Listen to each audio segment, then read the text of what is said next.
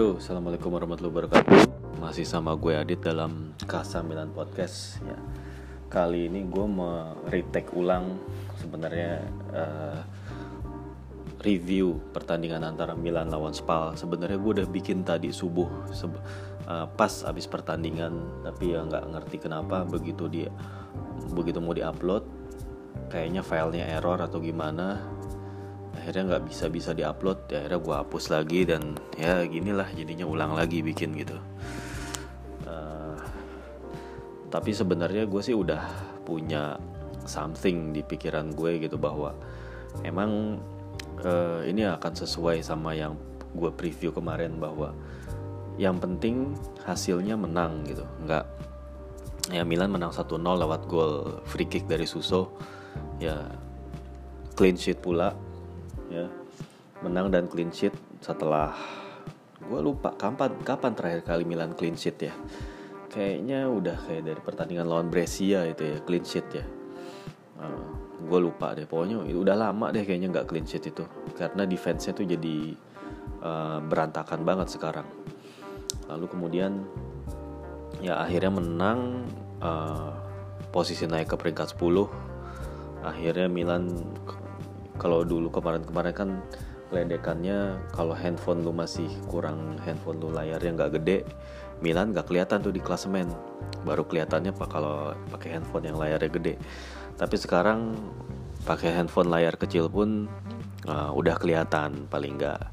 Dan uh, jarak anta, uh, dengan peringkat keempat itu juga udah mulai ya pelan pelan di ter inilah terpangkas gitu ya dan masih ada kemungkinan untuk ngejar gitu dalam paling nggak dalam uh, putaran pertama ya ada harapan untuk terus improve posisi supaya lebih baik gitu. Kalau soal uh, line up dulu deh, line up uh, bener yang dibilang oleh media-media uh, bahwa Leo Duarte dimainin sebagai bek kanan oleh si Pioli karena performa yang nggak meyakinkan dari dua bek kanan utama Milan yaitu Calabria dan Conti. Akhirnya Leo Duarte dimasukin situ. Lalu kemudian ada si untuk di tiga lainnya sama uh, Musakio uh, Romagnoli dan Theo Hernandez. Lalu kemudian di tengah itu Benacer, Kessie dan Paketa itu sejajar mainnya. Ya Benacer agak lebih sedikit ke belakang Kessie dan Paketa uh, sama-sama menghuni central midfielder. Tapi bedanya Kessie ini dipasang uh, sorry uh, dia jadi uh, posisinya lebih statis di tengah. Nggak nggak banyak untuk naik. Karena dia harus mengcover ya. Kalau si Theo Hernandez itu kan uh, sering naik ya sementara Duarte itu dipasang jadinya dia tuh dia jarang naik jadinya dia tuh kayak ngebentuk trio back bersama uh, Musakio dan si Romagnoli gitu.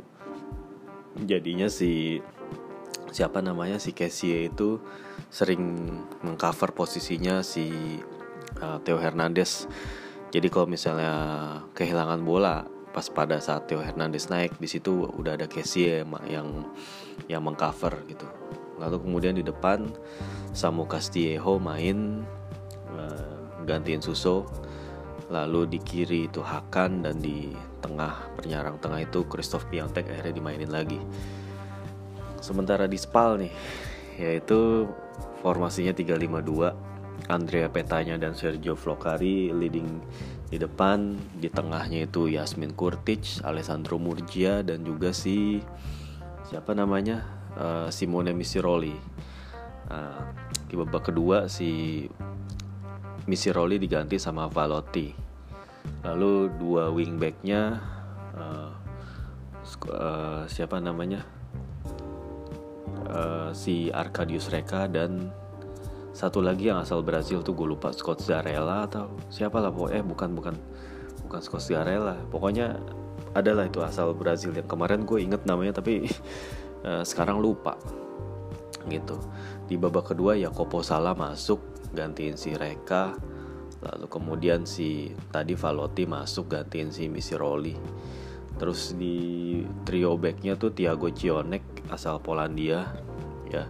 Dia blasteran mana sih? Namanya kok Tiago ya? Orang Polandia kayaknya uh, nggak nggak lazim. Kayaknya dia tuh tebakan gue sih dia orang tuanya tuh blasteran ya. Entah entah Portugal Spanyol Tiago namanya soalnya terus uh, back tengah kirinya Nena Tomovic lalu uh, back tengahnya itu Vicari Franco Vicari dan kipernya Edrid Berisha Nah, sebenarnya pas apa namanya?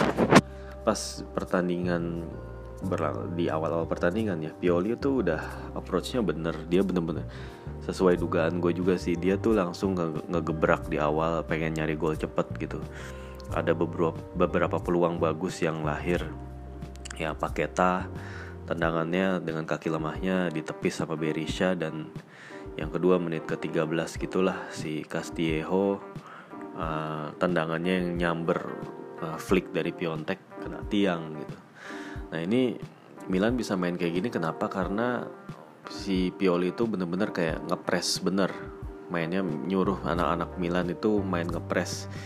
Jadi si Hakan, Piontek dan juga Samu itu uh, ketika si pemain Spal itu coba build up dari belakang gitu Berisha ngoper ke Cionek atau si Tomovic itu langsung di press sehingga ada keterbatasan apa ruang untuk ngasih umpan dan eh, nggak uh, lupa juga ada marking yang apa yang improve kelihatan improve yaitu uh, ketika si dua back ini Cionek dan juga si uh, Tomovic ini mencoba memberikan umpan ya baik itu ke wingback ataupun ke tengah itu Frankesie dan juga si Paketa itu udah kayak ngelakuin penjagaan. Belum lagi Benacer siaga di tengah ketika bola siap diterima oleh si Murgia ataupun si Misiroli.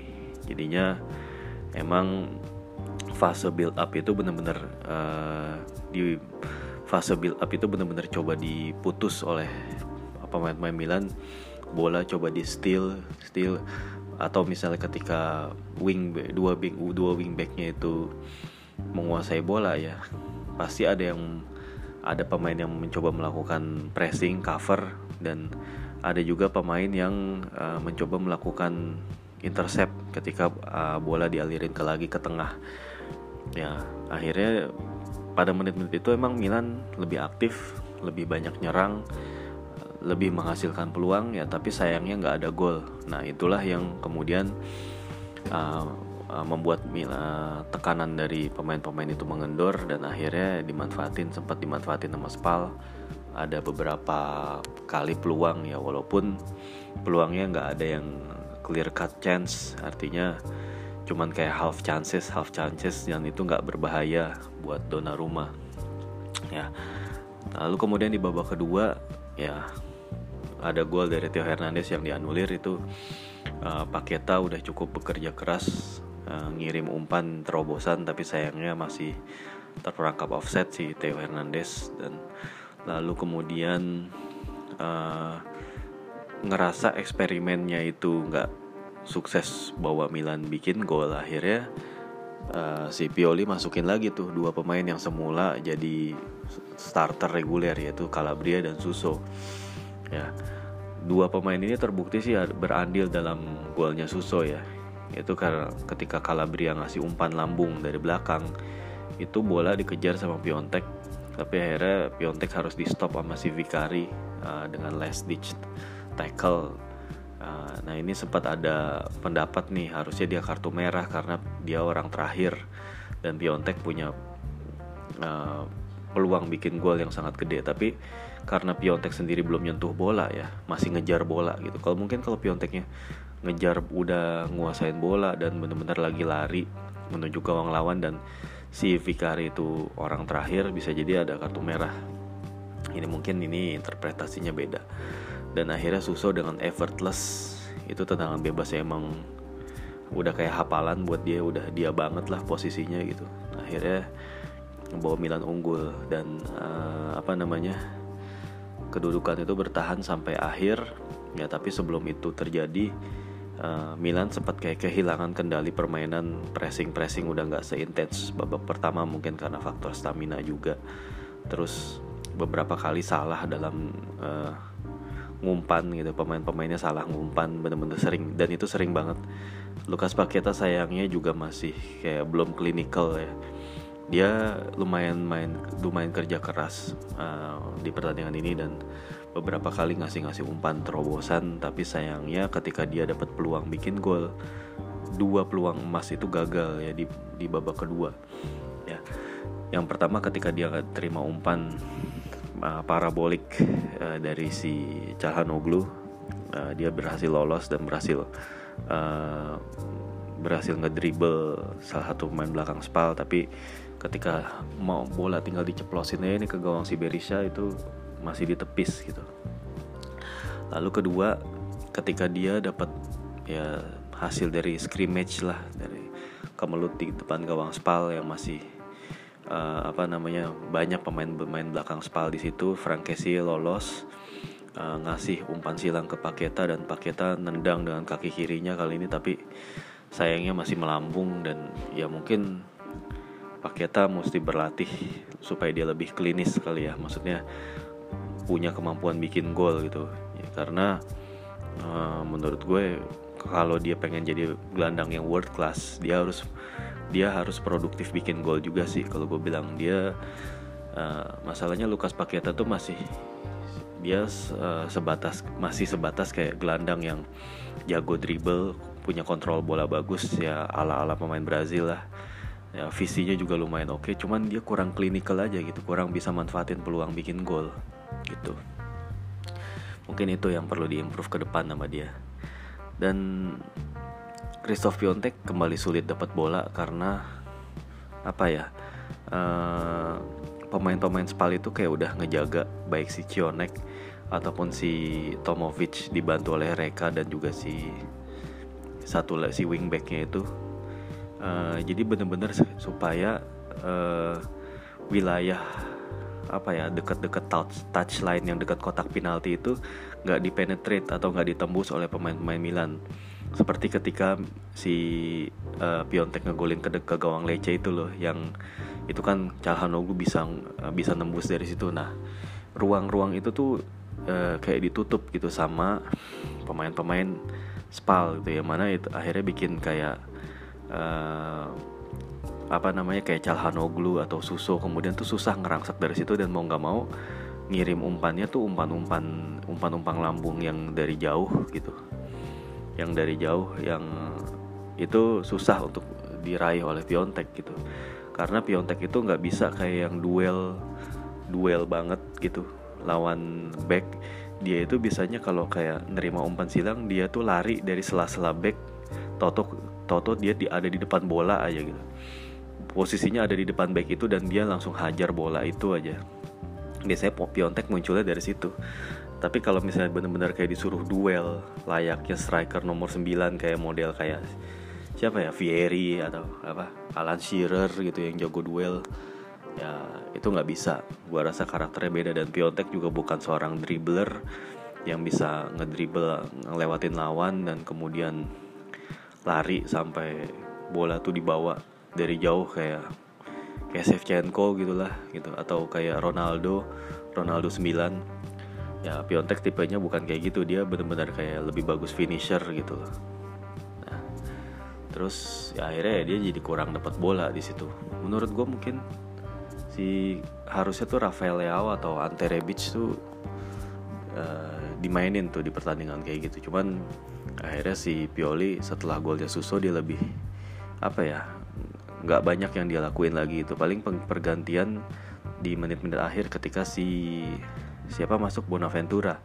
Itu pun juga udah kayak si Jack Bonaventura nggak dapet uh, apa namanya nggak nggak bisa banyak nunjukin kemampuan karena cuma 10 menit juga dia main.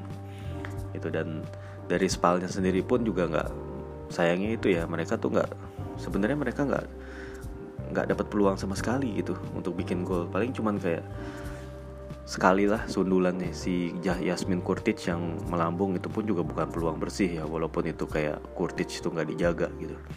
Tapi kalau misalnya peluang yang tinggal berhadapan sama Donnarumma atau ruang terbuka buat nembak itu kayaknya nggak dapet gitu Spal. Karena emang Spal ya kekuatan ya timnya sekarang predictable dan uh, pemain-pemainnya juga lagi turun gitu. Kayak petanya itu lagi menurun banget. Kelihatan kemarin nggak bergigi kemarin petanya gitu. Dan mereka juga di bangku cadangan si Semplici nggak punya banyak pilihan ketika pemain-pemain itu mentok ya. Flokari mentok si petanya mentok.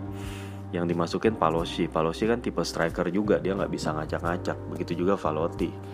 Dia juga kayak nggak bisa untuk diharapin ngasih umpan-umpan terobosan yang bagus gitu. Ya kurang lebih gitu aja sih yang maksudnya yang mau gue sampaikan. Intinya ya Milan gak spektakuler. Main bagus dalam beberapa menit pertama lalu kemudian awal-awal babak kedua tapi habis itu di apa di luar dari itu masih biasa lah masih mediocre permainannya. Ya gampang kerebut ya kayak yang sering salah umpan.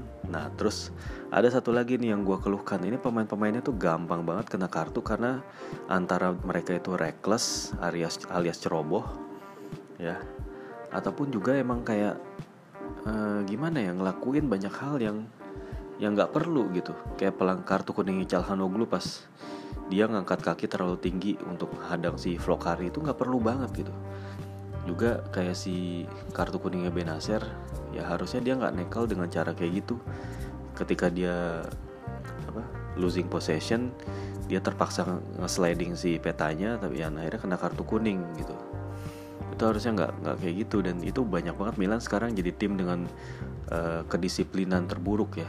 Udah hampir 30 kartu kali dalam 10 pertandingan artinya tiga kartu kuning ya 30 kartu kuning 5 kartu merah lu bayangin. Jadi dalam satu pertandingan itu paling nggak ada tiga kartu kuning yang buat pemain Milan dan dalam setiap dua pertandingan paling nggak ada pemain Milan yang kena kartu merah. Itu menunjukkan tim yang kayak kehilangan koordinasi lah gitu. koordinasinya nggak ada dalam bertahan. Ataupun ketika covering ataupun markingnya itu nggak nggak bener gitu. Walaupun ya dengan catatan ini warisan dari tim sebelumnya sebelum Pioli yaitu Giampaolo gitu ya. Yang mana Giampaolo juga belum bisa optimal lah gitu. Anyway ya kurang lebih sih itu aja. Gue sebenarnya pengen bikin podcast edisi spesialnya Van Basten ataupun yang lain cuman uh, kayaknya gue nggak dulu deh. Maksudnya nggak ada waktu gitu. Ntar kalau misalnya besok weekend ada waktu uh, eh, gue akan bikin sih ya. Ini kemarin gue apa kalau boleh cerita dikit ya capek banget gue gue tuh gue kan udah lama nggak main futsal udah ada setahun dua tahun lah gitu gue lupa nah tiba-tiba teman-teman kantor gue tuh pada ngajakin dan ya namanya kalau udah di lapangan futsal ya walaupun udah kayak gak pernah olahraga tapi lu pernah sering main futsal gitu. Nah, itu kan kayak adrenalin lagi gitu ya. Itu sebenarnya kayak apa namanya lu tuh kayak kepaksa kuat gitu dipaksa kuat tapi sebenarnya sebenarnya lu tuh nggak fit gitu untuk itu. Ya akhirnya gue pas udahnya tuh baru berasa capek banget dan uh, tidur itu emang sih tidur jadi pules badan bangun tidur badan enakan gitu entengan gitu. Cuman ya ya pas ke sininya nih besok siangnya dari ya setelah gue main futsal ini gue berasa ngantuk banget. Asli jadi ngantuk. Dan kayaknya pas weekend gue lebih milih istirahat gitu. Apalagi ntar Milan lawan Lazio mainnya uh, Senin dini hari lagi kan. Wah itu gue juga kalau mau nonton gue harus istirahat dulu gitu. Ya maklum lah selain udah faktor U ya karyawan juga lah gitu ya. Malum lah ya. Dan kemarin thank you banget untuk udah ada beberapa yang komen soal Kasamilan podcast bahwa uh, mereka ngedengerin podcast ini ngerasa well informed terbantu gitu. Atau setidaknya ada jadi ada bahan yang untuk didengerin lah gitu. Sebelum dan sesudah pertandingan Milan gitu. Dan apa uh, banyak juga eh apa ada juga yang nyaranin coba cari partner cari tandem ya. Mau banget sebenarnya gue cuman yang pertama ya masalah waktu sih ya. Kalau kalau janjian sama orang lain itu kan lu mesti nyocokin waktu nyari tempat uh, nyari nentuin tema segala macem. Kalau gue sendiri kan ya udah tinggal tinggal kayak udah buka handphone cari ruangan atau cari tempat jadi gitu nggak pakai janjian dulu nggak pakai pergi dulu gitu loh. Ya masalah di situ sih. Ya mungkin tapi lain kali kalau ada yang emang enak gitu bisa diajak ngobrol dan waktunya juga pas ya mungkin bisa lah. Ya bener juga sih kali aja jadi ada ada sudut pandang lain gitu. Ya kalau ini kan kayak sudut pandang gue sendiri ya. Bisa jadi bisa ya belum tentu gue bener juga gitu. Ya. dan uh, thank you banget lah pokoknya nih atas kepercayaannya untuk ngedengerin atas kesempatannya waktu yang diluangkan untuk ngedengerin podcast ini. Ya semoga gue bisa konsisten dan mohon maaf atas segala kekurangannya. Oke gue akhiri aja. Wassalamualaikum warahmatullahi wabarakatuh